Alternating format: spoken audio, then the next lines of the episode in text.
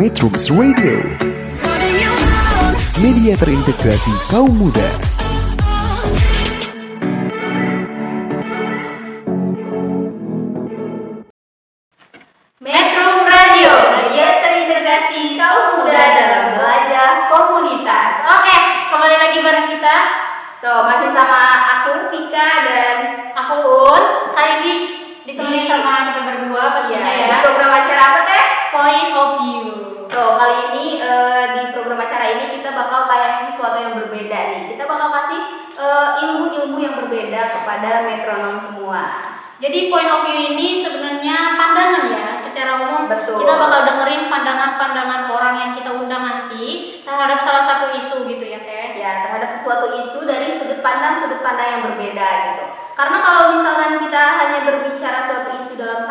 pandang itu kayaknya nggak pas Terlalu ya. sempit gitu. Iya. Apalagi sekarang banyak banget isu yang uh, isinya itu pro kontra dari masyarakat, dari negara dan lain sebagainya. Untuk itu kali ini kita bakal ngebahas, tapi jangan lupa tetap kepoin sosial media Metro ya, banyak banget akun dari Metro ini. ada instagramnya di @metro.co.id kemudian Ada dari websitenya juga Yes. metro.co.id. dengan kata kunci Metro Radio ya teh Iya. jadi kita bisa search di Google atau yang lainnya dengan kata kunci Metro Radio Twitter juga kita aktif banget. Ada YouTube juga. Ini juga bakal tampil di YouTube Ya, ya. untuk eh, metronom yang mau melihat tampilan visualnya bisa langsung subscribe aja di eh, Metrum TV di @metrum Radio ya teh. Iya. Dan juga radionya pasti ya Teh ya. Betul. Akan lebih mudah jika kalian tinggal download aplikasi Metrum Radio. Untuk metronom yang nggak mau ribet nih, mau di satu aplikasi aja udah bisa ngejelajah semua platform itu langsung download aja aplikasi Metrum Radio di Play Store or App Store. Oke Teh, kita udah ngebahas soal metronom ya. Yes. Ada metrum radio. Saatnya kita ngebahas kita hari ini mau ngebahas soal apa nih? Wah, Berat nih, soalnya judulnya lumayan berat ya. ini eh, relate banget sama kehidupan kita sekarang nih, dunia Dan saya melihat ada kursi kosong di sebelah Iya. berarti ada akan ada seseorang. Betul, kita yang akan mengisi. menghadirkan seorang narasumber yang tentunya eh, relate ya Ya. sama eh, program acara kita kali ini. Kali ini langsung aja mungkin ya kita bakal mengundang salah satu mahasiswa hubungan internasional. Tunggu teh, eh, kita kasih tahu dulu nih episode kali ini tentang apa. Oh iya, poinnya kita ngebahas mungkin ngebahas ah, pandemi yang menggiring great power China. Luar biasa. Relate sekali ya dengan eh, huru hara dunia internasional. selama sekarang. Dua tahun ke belakang ini kita terguncang oleh salah satu Betul. isu. Banyak sebenarnya isu, tapi awal mulanya dari pandemi ini ya. COVID ya, awalnya dari COVID-19 tapi eh, bercabang-cabang ya isunya jadi ke mana-mana gitu. Jadi banyak isu di bawah COVID-19. Jadi kita mau ngedenger nih eh, pandangan dari narasumber kita. Betul. Bener nggak sih sebenarnya kalimat yang kita pakai ini bahwa pandemi ini justru menggiring China itu ke great power yang secara langsung diakui oleh dunia ya saat ini. Betul sekali teh. Jadi eh, menggeser posisi Amerika Serikat ya. Iya. Menggeser posisi Apakah benar menggeser atau tidak? Mungkin pro kontra juga ya masyarakat ada yang tetap bahwa saat ini kekuatan terbesar masih di Amerika, ada yang sudah Betul. oh China sekarang udah unggul kok, dia udah lebih gesit dari Amerika Yes, betul menyelesaikan masalah dan lain sebagainya. Jadi tetap ya pro kontra. Oke, langsung aja teh. Siapa narasumber kita kali ini? Mau narasumber dulu atau kita joget-joget dulu nih? Oh, kayaknya kita butuh booster dulu. Oh, kita butuh booster dulu. Kita eh, lagu yang lagi hits ya teh. Oh iya betul. Yang eh, rilis saat pandemi Iya, ini ya. betul banget. Lagu ini itu baru rilis uh, kemarin dan lagu ini isinya itu tentang harapan sebenarnya. Kita Betul. bisa menari, kita nggak usah khawatir tentang kondisi sekarang Betul seperti saat ini. Apa yang terjadi itu ya jalani aja. Iya, karena sampai saat ini kita masih belum bisa untuk joget-joget. Makanya salah satu boy group mungkin ya, boy group Yes. atau idol dari Korea Selatan itu membuat lagu namanya Permission to Dance. Jadi kita nggak berharap nantinya kita nggak harus lagi minta izin atau minta perhatian untuk bisa Betul, kumpul, tapi kita bisa melakukan joget-joget. sesuatu. Oke, langsung aja ini dia BTS. Permission to dance. It's the thought of PM when your heart's just like a drum, beating louder with nowhere to guard it. When it all seems like it's wrong, sing along to Elton John and to that feeling we're just getting started. When the nights get colder and the rhythms got you falling behind, just dream about that moment when you look yourself right in the eye. I, I, and you say, I wanna dance tonight.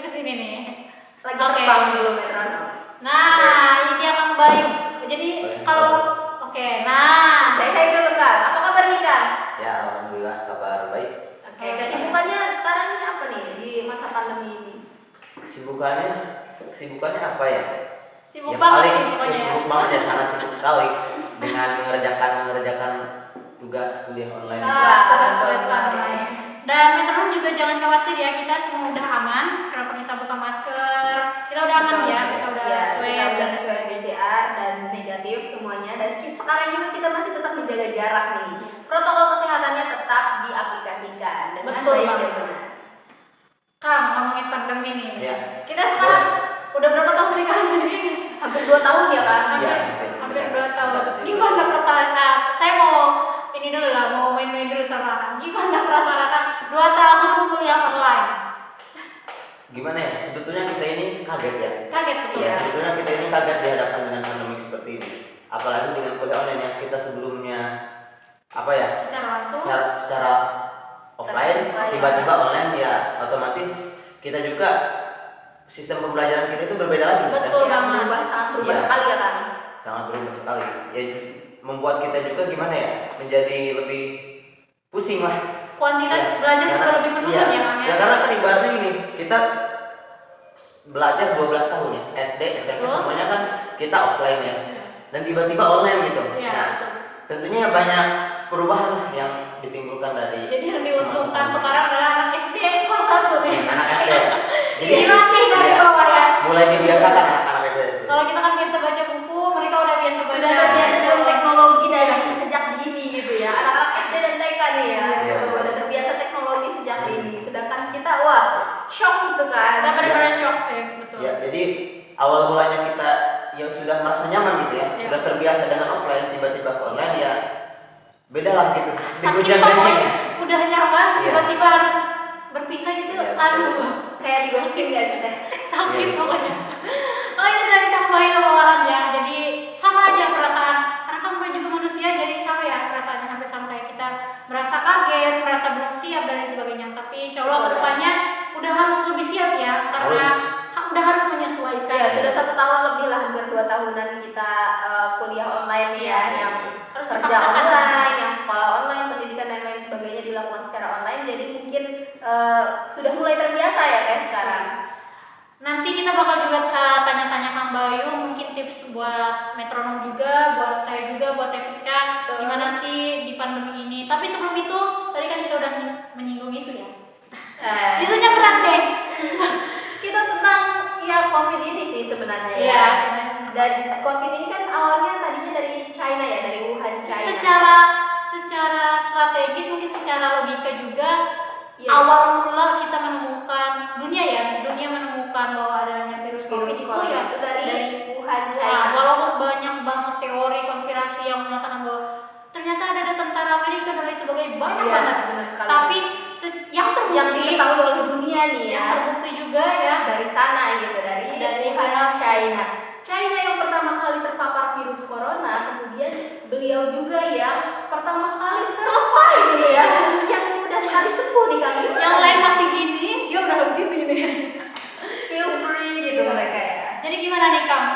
Akan secara general mungkin ya, secara general dulu, setuju nggak sih kalau ada kalimat yang kami angkat ini? Pandemi justru giring Green uh, power green powernya Cina gitu. Jadi sebetulnya tema ini sangat menarik ya, Iya, sangat betul. menarik untuk kita bahas. Iya. Selalu kita anak-anak HI gitu hubungan internasional. Jadi pemikiran kita memang harus jauh, Jauh, gitu ya. dari, dari ini. Nah mengenai COVID ya, kita bahas COVID-nya dulu. Ini sebenarnya ya memang sudah tidak dapat dipungkiri lagi gitu yang adanya COVID ini, yang namanya penyakit. Jadi Nah, buat metronom yang masih mikir ini penipuan kah atau apa? Iya. Oh, udah udah dua tahun guys Please, please Ya. open mind. Ya memang sih sebetulnya dalam coronavirus disease ini ya memang banyak teori-teori konspirasi Iya, yang masuk betul, ya. banyak Ya, sekali ya, Mulai dari bahwa virus ini bahwa diciptakan oleh Cina loh di laboratorium Cina ada teori itu masuk. sebagai senjata Iya, biologis gitu sebagai, ya sebagai namanya. senjata biologisnya Cina. Ada juga Cina membantah bahwa virus ini didatangkan oleh Amerika pada bulan September 2019 ya. 2019 September Banyak. ada juga yang mengatakan bahwa ini adalah suntikan sinyal 5G yang Sinyal 5G. mungkin melakukan pemanasan global ya Iya, sehingga betul. cuaca Betul, betul. iya sehingga cuaca di dunia tidak stabil gitu ya. Ya mungkin saja ya, memang kita harus berpandang berpikir panjang juga. global ya. Ya, berbagai sudut Iya. pandang nih kita bahas kali ini. Iya. Nah, mengenai tadi kekuatan Cina ya. Kekuatan Cina kita Cina. tertariknya sama Iya. kekuatan Cina ini kan. Justru Cina ini menarik sih menurut saya. Menarik, Iya. gimana ya? seksi ya untuk Iya. merasa seksi karena dari dulu China memang negara yang egosentris ya kan Jadi menurut pandangan saya Cina hebat lah ibaratnya hebat. Ya hebatnya gimana? kenapa nih hebatnya Ya jadi begini, ini kan pandemi semua dunia mengenakan kena imbasnya ya, kena imbasnya. Tapi di sini Cina itu hebat, hebatnya bagaimana? Jadi dia pertama itu bisa menghilangkan virus COVID di negaranya. Oh, jadi ya, jadi meng- mengurangi angka kematian dan mengurangi angka terpaparnya virus corona gitu. Nah, dibandingkan maksudnya negara Amerika yang yang sekarang terbesar ya ya betul jumlah paparan dan yang meninggal dunia Amerika, India gitu. Mbak, tapi Cina luar biasa gitu loh. Jadi dalam sistem pemberian Cina ya mungkin Cina itu ya extraordinary gitu. iya benar Ya, sangat sangat rapi sekali gitu memainkan ya. ini. Nah, iya itu. Mungkin itu juga penyebab kenapa banyak masyarakat banget yang berspekulasi bahwa Cina sengaja mengadakan virus ini gitu ya. Karena mungkin melihat keberhasilannya. Ya. Kok bisa sih mereka ada virus tapi dalam berapa bulan mereka udah langsung terbebas ya, dari virus recovery. Itu juga yang Iya. penyebabnya. Ya mungkin mungkin masuknya tuduhan itu ya karena mungkin lah ini kok Cina malah duluan Duluan. selesai gitu dibanding kita nih negara-negara yang bukan tempatnya. Sedangkan kan pembuatan vaksin juga prosesnya Iya. sebenarnya panjang kan, Iya. tapi Cina bisa sehebat itu Nah. cepat Iya, dengan. Iya. cepat gitu kemampuannya. luar Jadi itu extraordinary-nya sangat gimana ya? Ya sangat rapih gitu. Rapi ya. Iya. Karena kalau misalkan kita bandingkan dengan negara great power yang sebelum China nih ya, Iya. Teh, ya kan. Seharusnya negara great power ini mampu lebih baik dari China untuk recovery gitu. Hmm. Tetapi buktinya dalam aplikasinya sekarang China Belum. malah lebih mampu gitu. Iya. Great power negara great power yang sebelumnya ini Iya. masih sama seperti negara kita gitu. Nah, masih ini- masih proses. gitu, berbicara berjuang. tentang great power juga kemampuan mereka pastinya banyak aspek ya dari mulai jumlah penduduk itu sendiri Iya. sistem politiknya seperti apa sistem dalam domestiknya seperti apa dan pastinya ada rencana atau strategi mereka ya dalam mengelola uh, apa yang terjadi di negaranya itu sendiri mungkin kalau nama kami banyak kecurigaan karena uh, negara sehebat Amerika bisa Iya. dibilang negara sehebat Amerika masih kolaps Ya, dengan dengan adanya virus corona ini ya. Super power Amerika. Iya. Makanya banyak kecurigaan-kecurigaan akhirnya muncul terhadap China bahwa ini sengaja loh ini. Nah ini makanya pandangan kalian seperti apa kalau kalau mungkin banyak masih orang yang bilang ini sengaja Cina buat kita terima ya nggak ada yang salah dengan Sebenarnya tidak ada yang salah karena itu memang Yes. uh, level of analisis mereka loh masing-masing gitu Iya. kan. Ya betul sekali.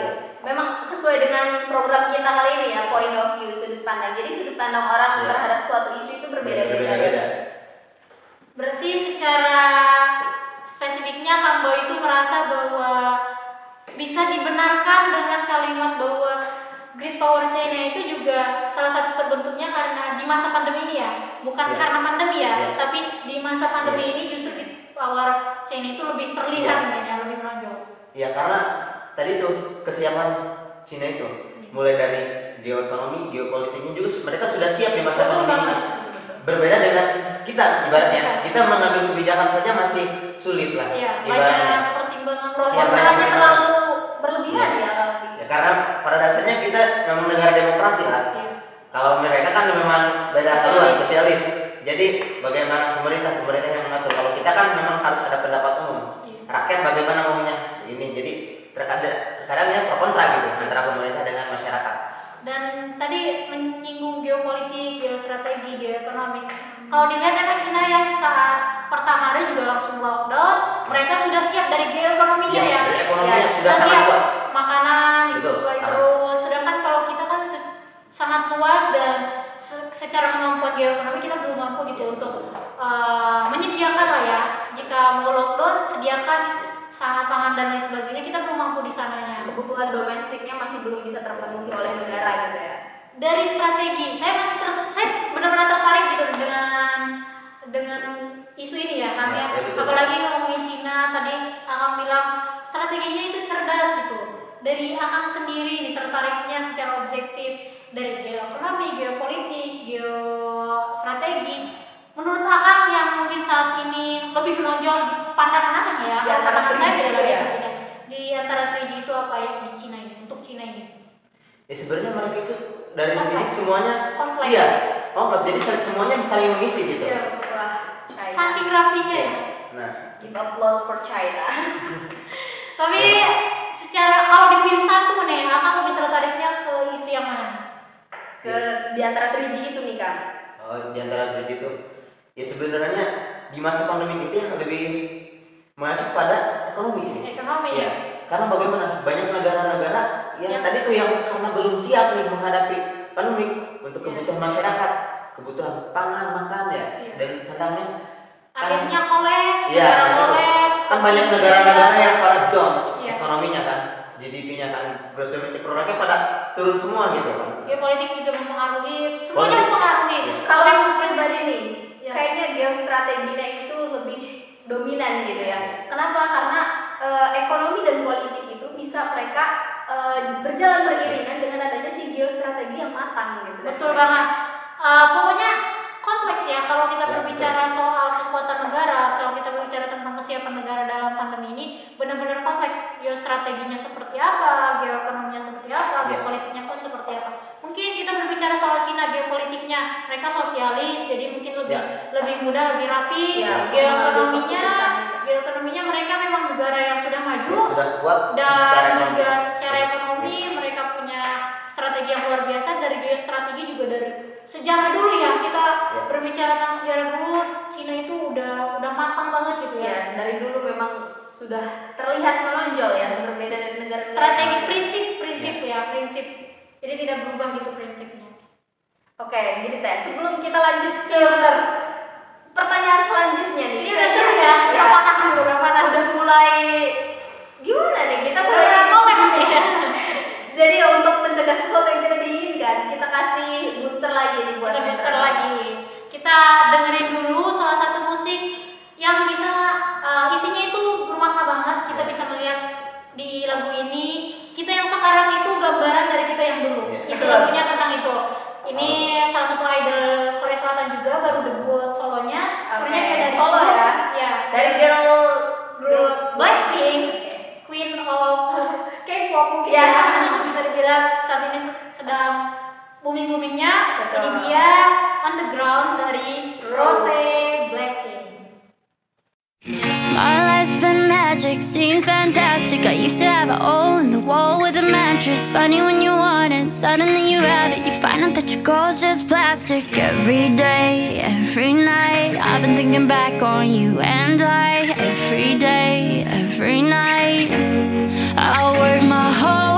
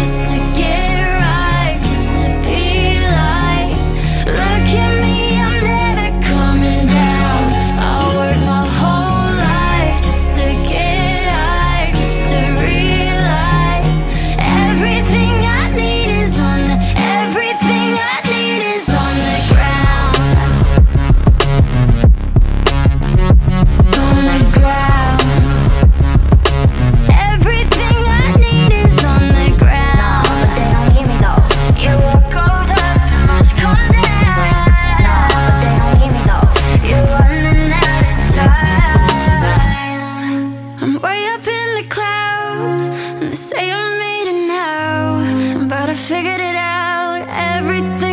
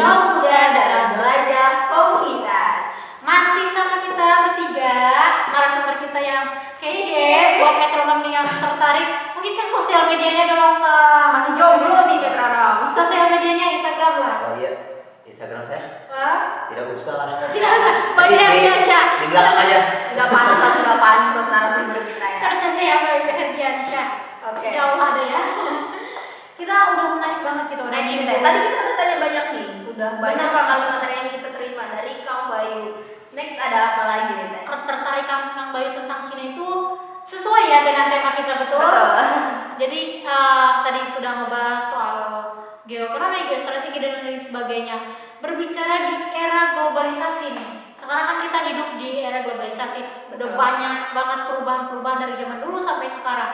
Teknologi dan lain sebagainya. Iya. Nah, era globalisasi, strategi Cina menarik untuk dibahas ya.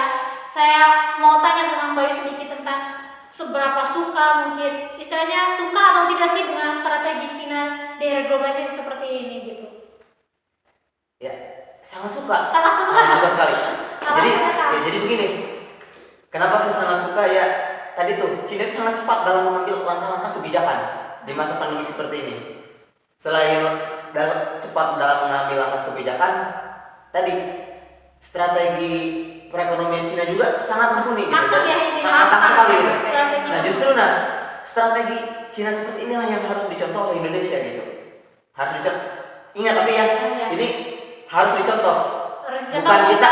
harus sama Iya, ya, bukan harus mencontoh pola pikir Cina yang saat ini gitu. Jadi mencontoh ya bukan bergantung. Bergantung. Berbeda ya soalnya. Terkadang Indonesia mah justru sekarang malah kebergantungan kepada Cina. Bergantung. Nah itu sangat berbahaya. Interdependensi ya kan? Nah iya. Seharusnya kita mencontoh, wah ini bisa loh Cina sampai seperti ini gitu negaranya sangat kuat. bukan malahnya menggantungkan kehidupan Menurut- kita Iya. Itu sangat berbahaya sekali. sangat berbahaya Iya. ya untuk negara luar biasa jadi Kang Bayu merasa sangat suka banget Iya.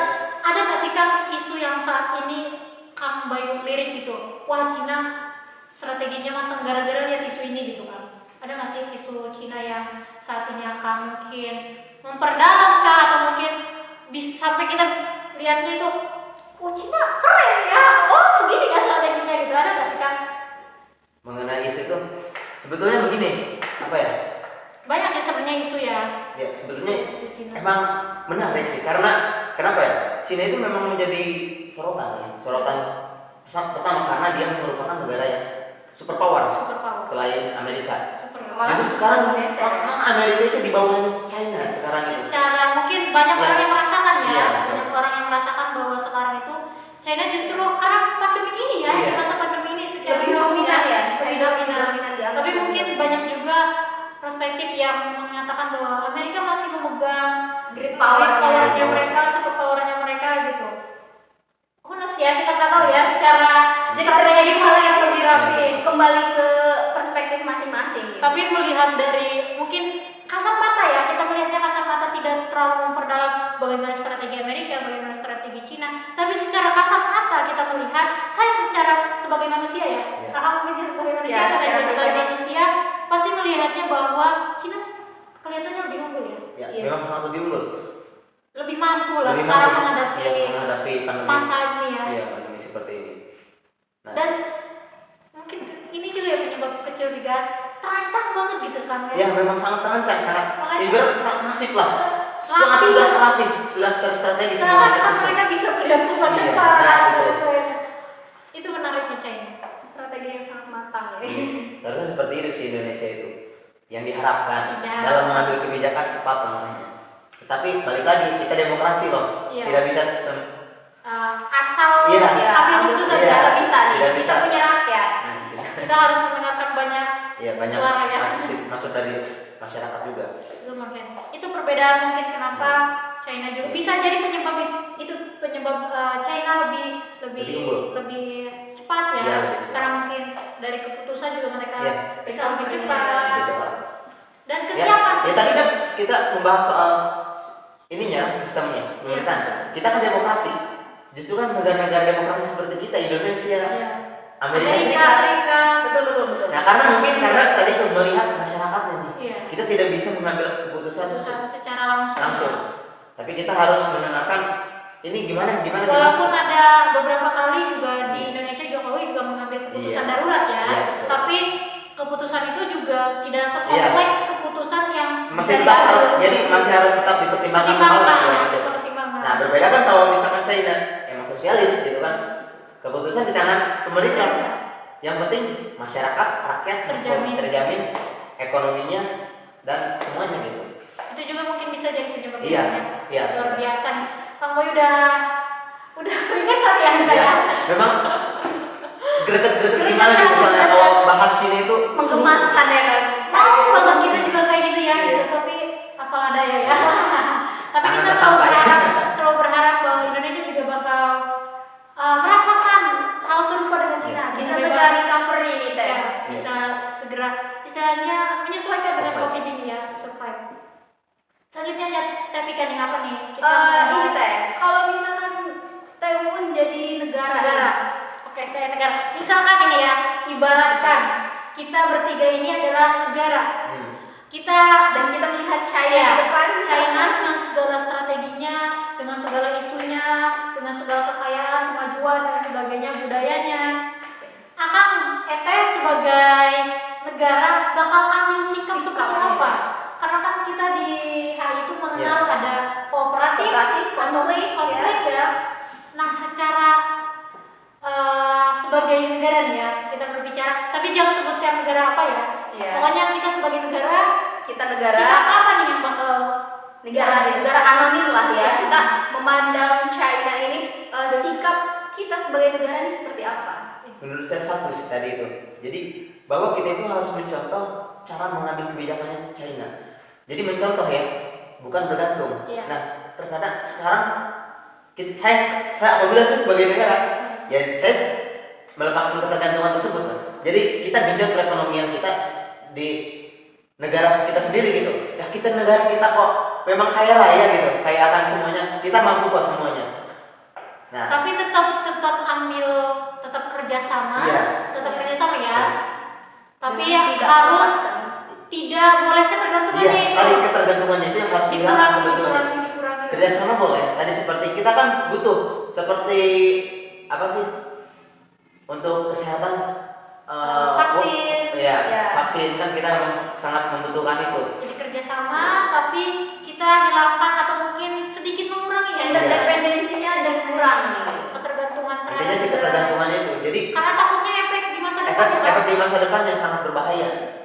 Kalau apabila Indonesia, misalkan saya negara saya berhutang terus ke luar negeri, ya otom- otomatis kan itu hutang harus dibayar. kan? nantinya akan Nah. ada dampak monitor ya. Nah, dampak monitor. dampak yang sangat besar lah bisa menjadikan krisis karena rupiah kita yang menjadi lemah gitu kan nah, karena banyaknya utang sangat berpengaruh sekali Dan soalnya itu juga uh, buat metronom juga ya sikap ketergantungan itu pada akhirnya juga bisa mengakibatkan negara itu nantinya diatur Iya. uh, ke depannya. Iya. dia Jadi diatur semua segala kebijakan-kebijakan dari bawahnya. Ini lu Dipengaruhi ya? Iya, lu udah punya hutang nih, gimana nih lu gak bisa bayar kan ibaratnya kan.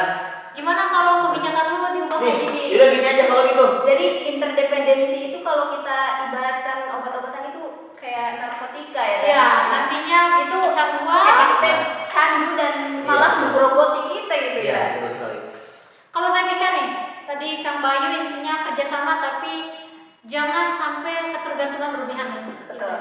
Kalau Tepika, Saya pribadi nih teh, ya kooperatif lah. kooperatif. Ngapain kita konflik-konflik kan ngeri. Iya, lihat ya kekuatan Cina seperti itu, kekuatan kita seperti ini gitu. Kalau saya juga pasti Ya, sebetulnya nasional. sebetulnya sebenarnya ini bisa masuk ke konflik juga ya. Iya. bisa disebut perang dunia ketiga juga bisa cuma bukan hard power gitu yang ditimbulkan tapi soft power yang, yang ya. melalui ya bisa jadi karena dengan adanya virus ini ya dijadikan senjata biologisnya orang-orang globalis di atas gitu kan Jadi lebih ke kayak masa uh, perang dingin lagi ya. iya bisa jadi Ini bisa jadi ya metronom. Iya. Bisa tanda kutip bisa jadi. Kalau saya juga sebagai negara mungkin secara nasional saya melihat keuntungan apa yang akan saya dapatkan kalau saya kerjasama, Ya, kerugian apa yang akan saya dapatkan kalau saya melawan beliau. Betul. Kayaknya kalau misalkan kita ambil sikap konflik nih, lebih Iya. banyak kerugian. yang kita Kerugiannya. dapatkan. Kenapa? Kita lihat dari segi Eko- ekonominya, ekonomi kita dan beliau. Sangat terpengaruh Ya, ya. jauh berbeda mungkin. Jadi pasti ya saat ini banyak negara yang akhirnya memilih jalan rasional ya. Keuntungan Betul. apa yang saya dapatkan kalau saya ikut kerjasama dengan anda kerugian apa yang akan saya dapatkan kalau saya menolak anda itu seperti itu kayak misalkan Indonesia sekarang banyak bekerja sama dengan Eropa padahal kan sebelum sebelum ada covid kan kita berbicara Indonesia itu dengan Eropa agak pro kontra ya kemarin uh, iya. Jokowi soal sawit lain sebagainya tapi di masa sekarang ini kita sangat Jerman siap membantu itu karena mungkin ada rasional Indonesia juga Tapi kan tetap saja. rasional. Yang namanya bantu tidak ada yang diberikan secara cuma-cuma. nah Ya kan? Tidak ada uh, bisnis Nah, step of business Step Strateginya of business. jadi bisa saja dengan nih lu gua bantu nih negara lu, gua bantu ekonominya, vaksinnya gua kasih. Tapi satu syarat, kebijakan ini nih harus dihapus nih. Iya. ganti Jadi, dengan kebijakan iya. ini Nah, gitu. atau mungkin kalian nanti supply yang ini ya Nah, saya gitu. Nah tadi itu, itu memang sekarang memang tidak terasa di masa yang akan mendatang. Ketika mereka sudah sudah di sini gitu ya menguasai dalam negeri negara saya ibaratkan ya suka-suka dia nanti. mungkin kalau belajar dari sejarah Indonesia gitu kita pernah punya pengalaman Jepang ya dulu. Ya. semuanya semua barang semua dari sana ya sampai tenaga. Pegawai segala macam. Dan mungkin kerasannya itu di masa sekarang. Banyak masyarakat yang mengeluhkan tentang uh, pekerja dari Jepang atau mungkin Oh, barang-barang China China ya. ya investasi juga kan kebanyakan dari Jepang dan sebagainya. Kan pada akhirnya kan secara tidak langsung mungkin masyarakat tidak merasakan monitoring dari Jepang terhadap Indonesia pada akhirnya ya itu termasuk dari sejarah Indonesia ya. Kijang adalah karya kerjasama Indonesia dan Jepang. Itu adalah singkatan dari saking banyaknya kerjasama Indonesia dan Jepang di masa Iya, lalu. bingung ya mau dinamain apa nih? Kalau sama China apa nih ya? Jadi buat metronom juga jangan terlalu keras ya. Istilahnya jangan terlalu keras melihat kita harus menolak semua dari Cina karena Cina akan bla bla bla bla. Tapi kita juga harus mempertimbangkan kemampuan Indonesia seperti apa mampunya seperti apa butuh apa. Kita juga harus mempertimbangkan hal tersebut. Kalau kita menolak kerjasama dengan Cina apa yang akan terjadi dengan karena justru Indonesia ya? penolakan itu akan berujung konflik ya kan Iya, betul betul betul. Nah, kalau tadi kita bicara tentang negara anonim dengan sikapnya terhadap China nih, sekarang kita bicara tentang Indonesia nya nih, Kak. Indonesia betul.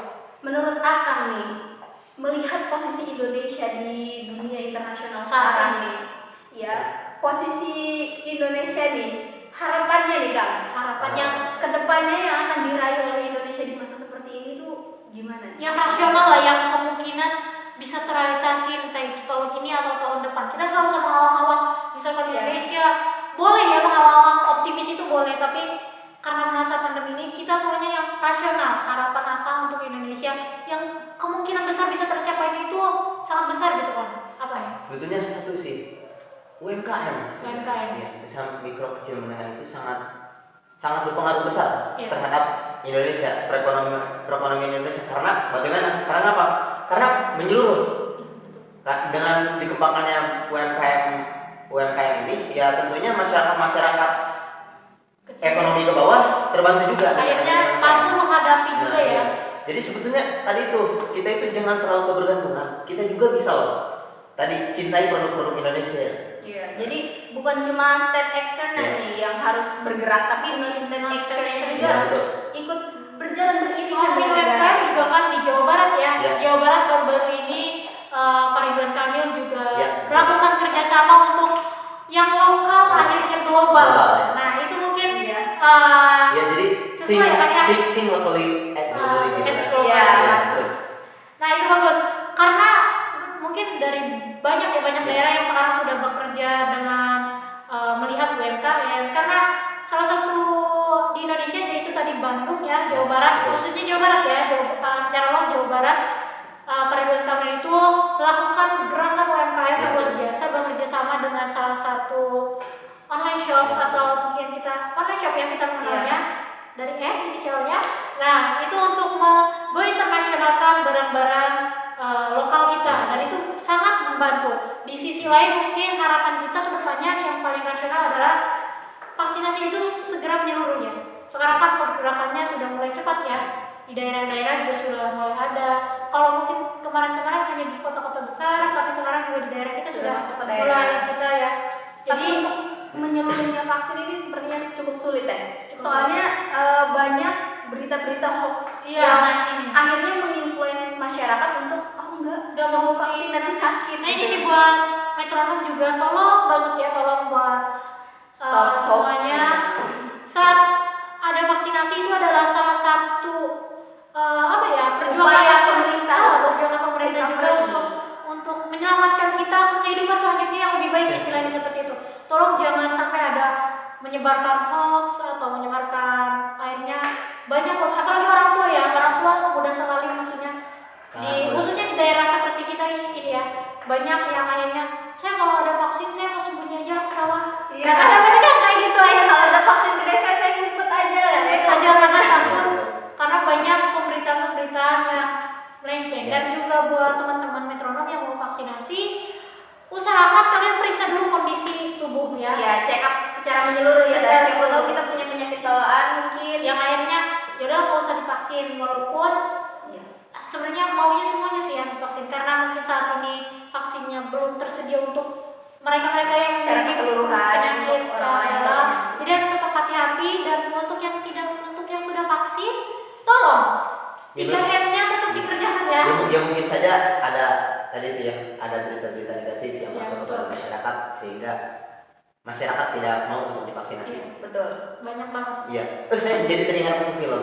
film Salah satu film nih. Kita Nah, mau film juga nah, ya. HI itu belajarnya itu nggak harus tapi mungkin terus ya mungkin ya bisa jadi saja. Jadi saya menonton salah satu film ini punya Indonesia punya ya. oh Indonesia punya Indonesia punya. apa judulnya Jadi film ini akan Gundala. oh Gundala Gundala. Oh, iya, iya. Gundala Jadi Gundala. Ya mungkin bisa jadi terobsesi masyarakat masyarakat separuh itu terobsesi dari film tersebut Iya. ya mungkin bisa jadi dalam film Gundala ini ya mungkin bisa menceritakan keadaan yang sekarang gitu. ada nah. Iya. Jadi di mana di sini pemeran utamanya memang Gundala, Iya. tapi di sini ada banyak ya pemeran di mana di sini ada sosok pengkor. Jadi pengkor itu adalah penjahat ya, Iya. penjahat.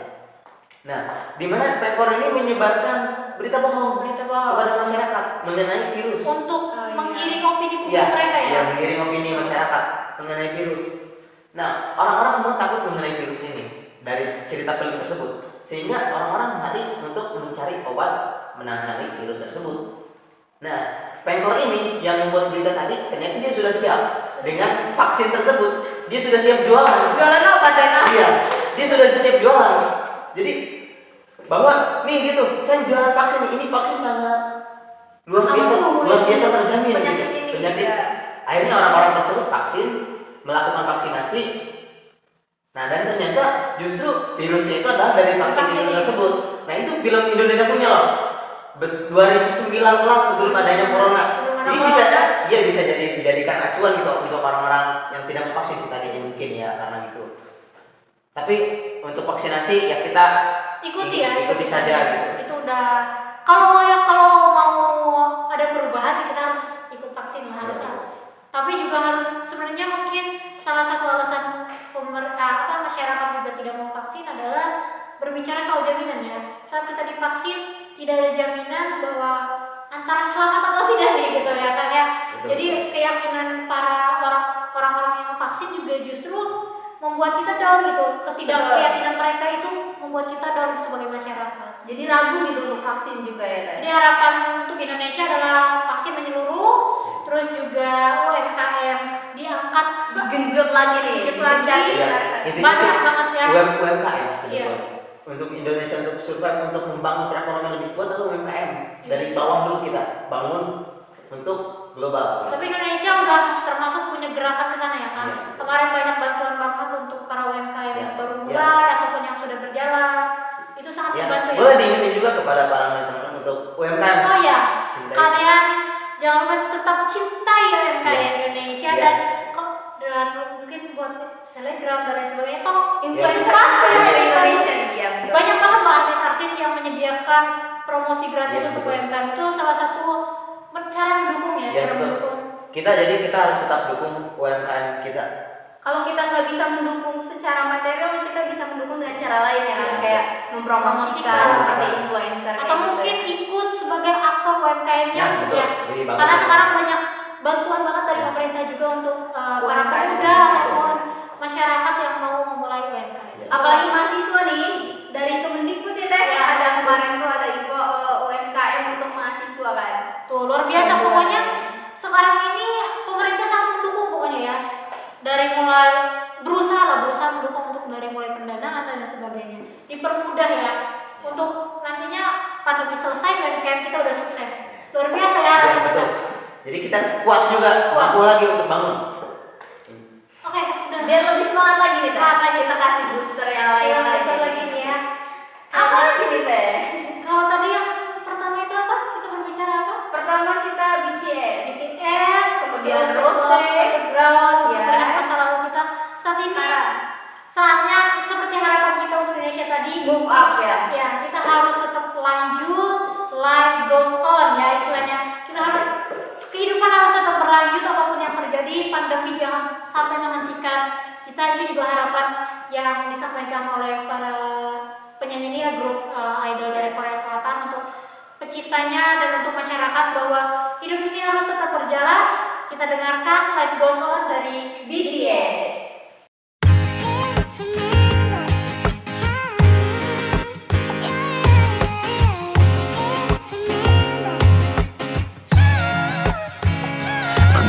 obsessive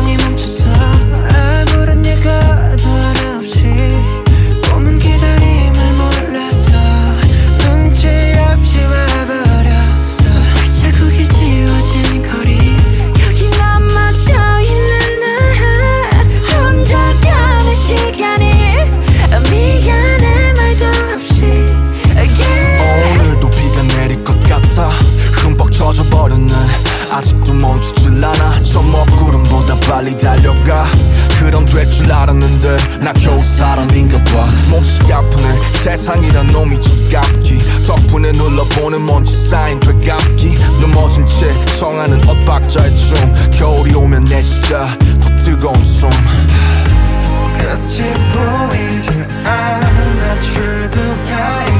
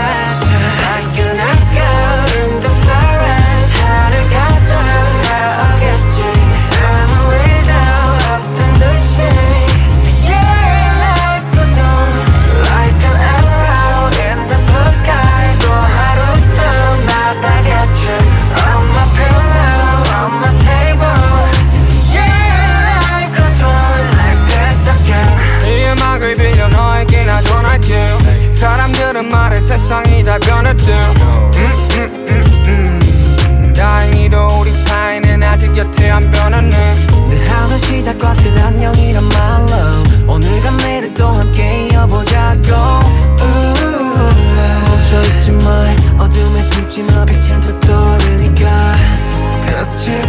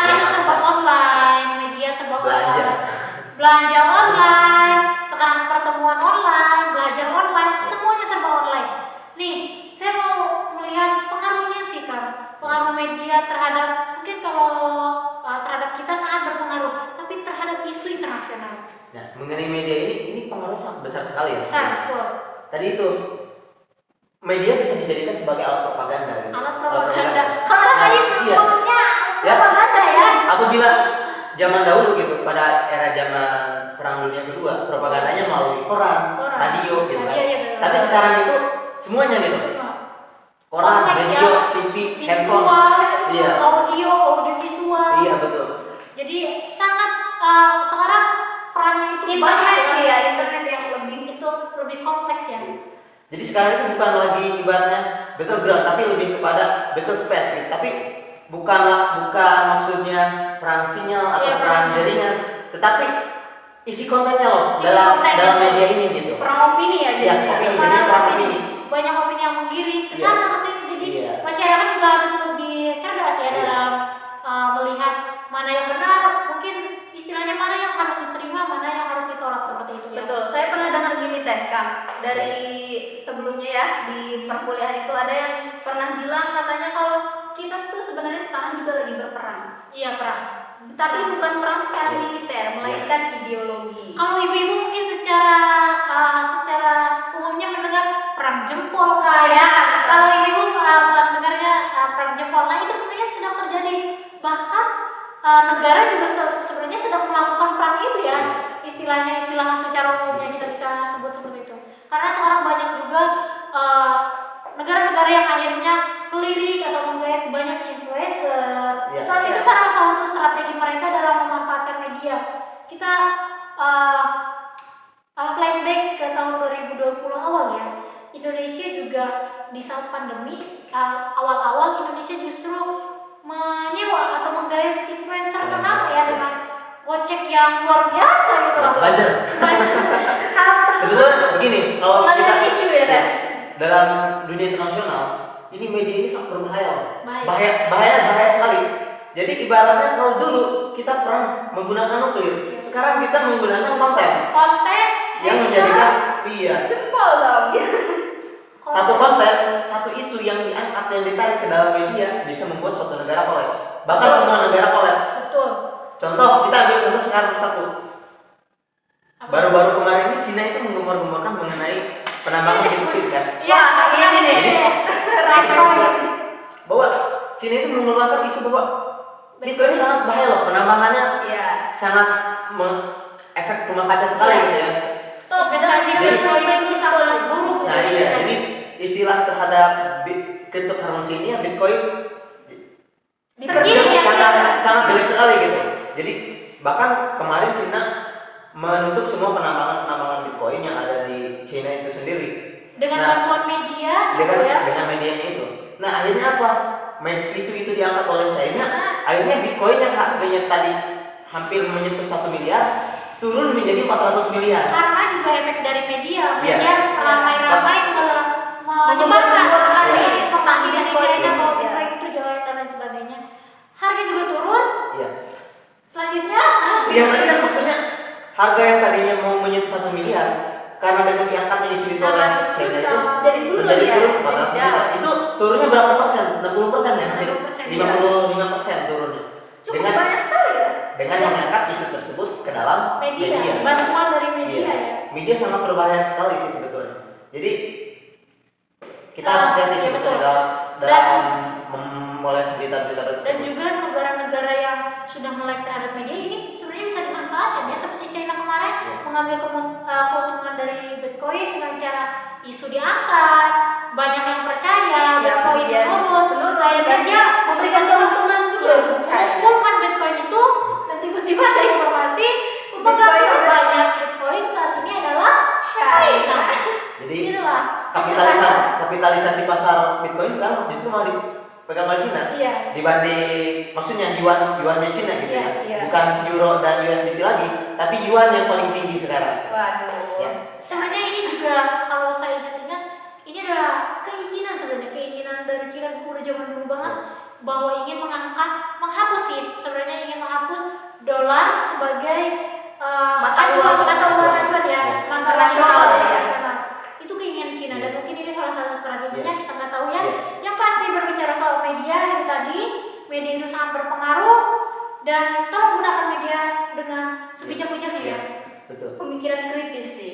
Negara juga mungkin harus lebih melek terhadap uh, media ya, karena sekarang serba media, semuanya serba online. soalnya bagaimana media itu kebohongan itu bisa ditutupi Iya, betul banget. Dan juga tapi kalian juga harus hati-hati karena jejak media itu tidak akan terhapus ya. Betul. Jadi buat teman-teman jangan sampai sebar hoax karena seberapa kuat kalian ingin menghapus konten kalian kalau itu hoax itu tetap akan Meskipun kita udah delete nih di akun medsos kita misalnya, tapi itu udah Jejak media itu ada jejak digital. Udah tersebar. ya mengenai media saya punya satu film lagi nih. Oh. ini Nih film ini ya Ini- buat metronom HI itu belajarnya nggak harus buku terus ya, Yes. tapi film, Jalan-jalan. Salah satunya Jalan-jalan. film kan, karena saya suka menonton film gitu ya. Jadi ini juga bisa menjadikan acuan saya ada salah satu film ini filmnya keren Nah, filmnya ini adalah Iron Fist ini besutan dari Marvel ya Marvel. Marvel iya. punya Amerika Yang Nah. suka Marvel? saya suka Marvel nah Iron Fist ini jadi mengangkat ceritanya seru gitu nah ini kan kita bahas soal media ya Media, media. media di sini tuh ada salah satu jagoannya jadi jagoannya Iron Fist ya dia mengambil nama Iron Fistnya kayak tadi Gundala jagoannya Gundala nah tapi kan yang sejahatnya nih dia yang menggunakan media nih. Namanya adalah Wilson Fisk. Si Wilson ini adalah ibaratnya kalau ibaratnya kalau sekarang di dunia global sekarang dia sebagai globalis otaknya gitu. Otak. dari Uh, media. ini menyebar-nyebarkan Uh, info ini. Opini iya menggiring-giringkan opini. Iya. Iron Fist ini ingin mengumpulkan kebenaran gitu kepada seluruh umat manusia ibaratnya kan.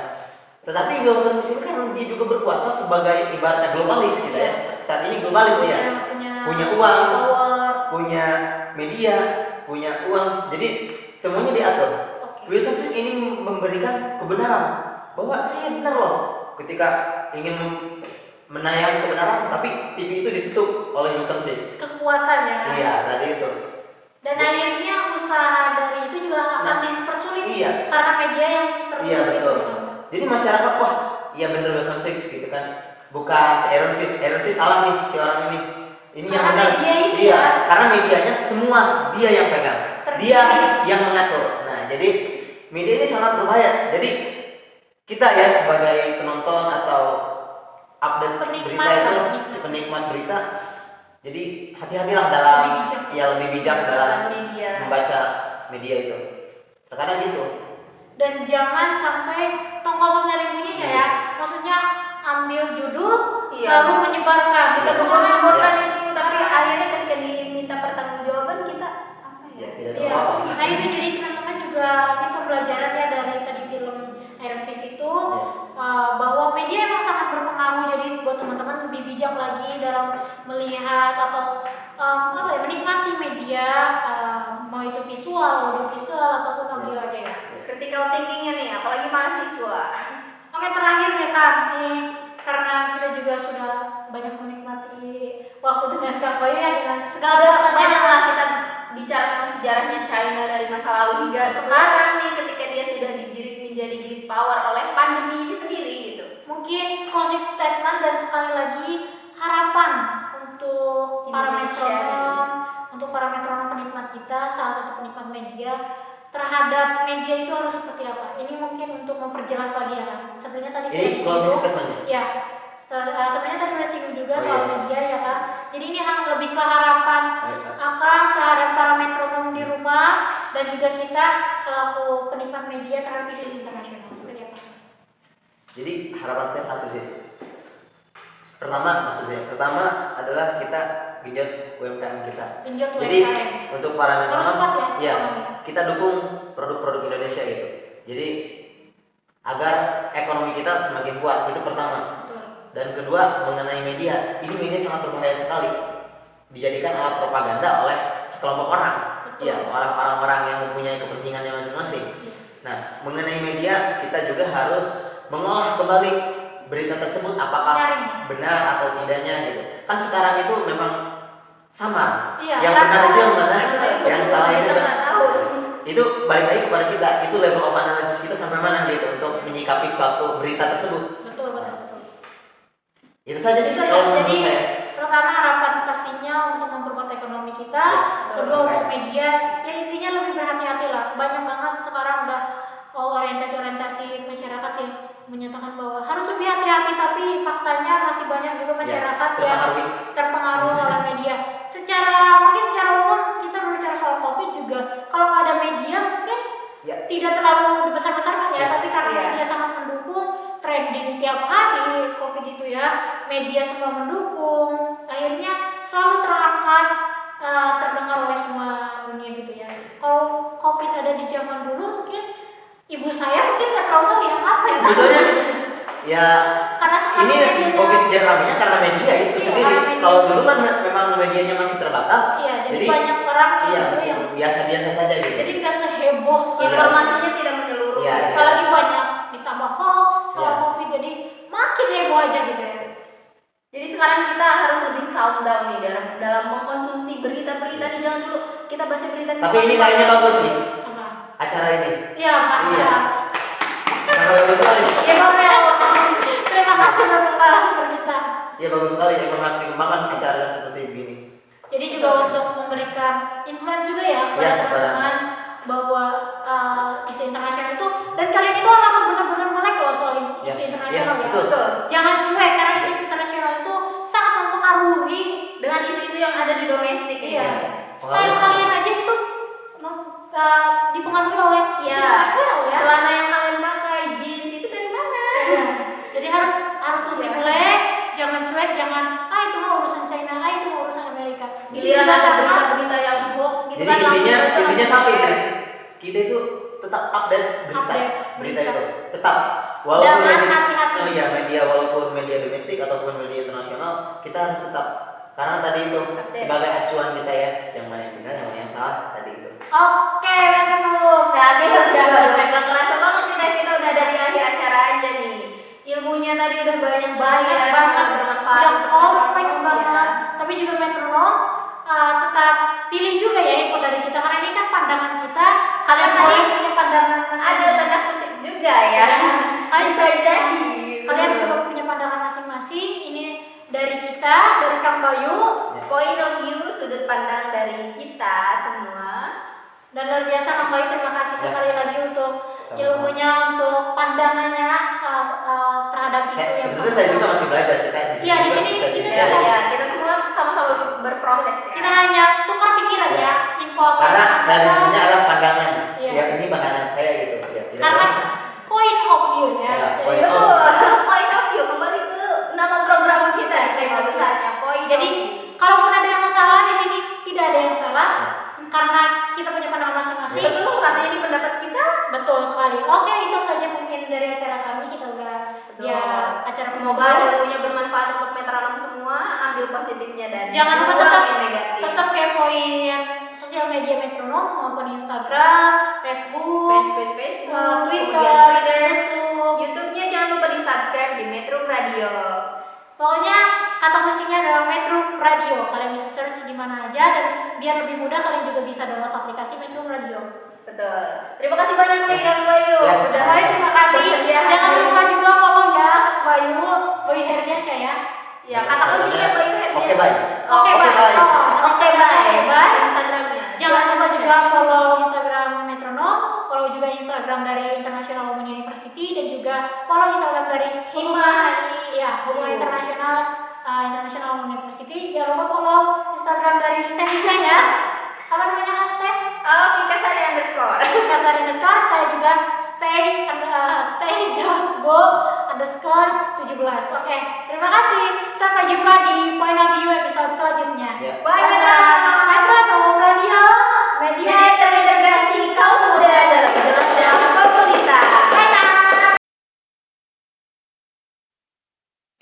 Metrums Radio Baby, let's go. All that you can have, boy. Got me spread like a buffet all night. Now they always say congratulations. Come on, strip that down for me. I'm on my way. Girl, come on, strip that down for me. Yeah, yeah, yeah, yeah. Metrums Radio Media terintegrasi kaum muda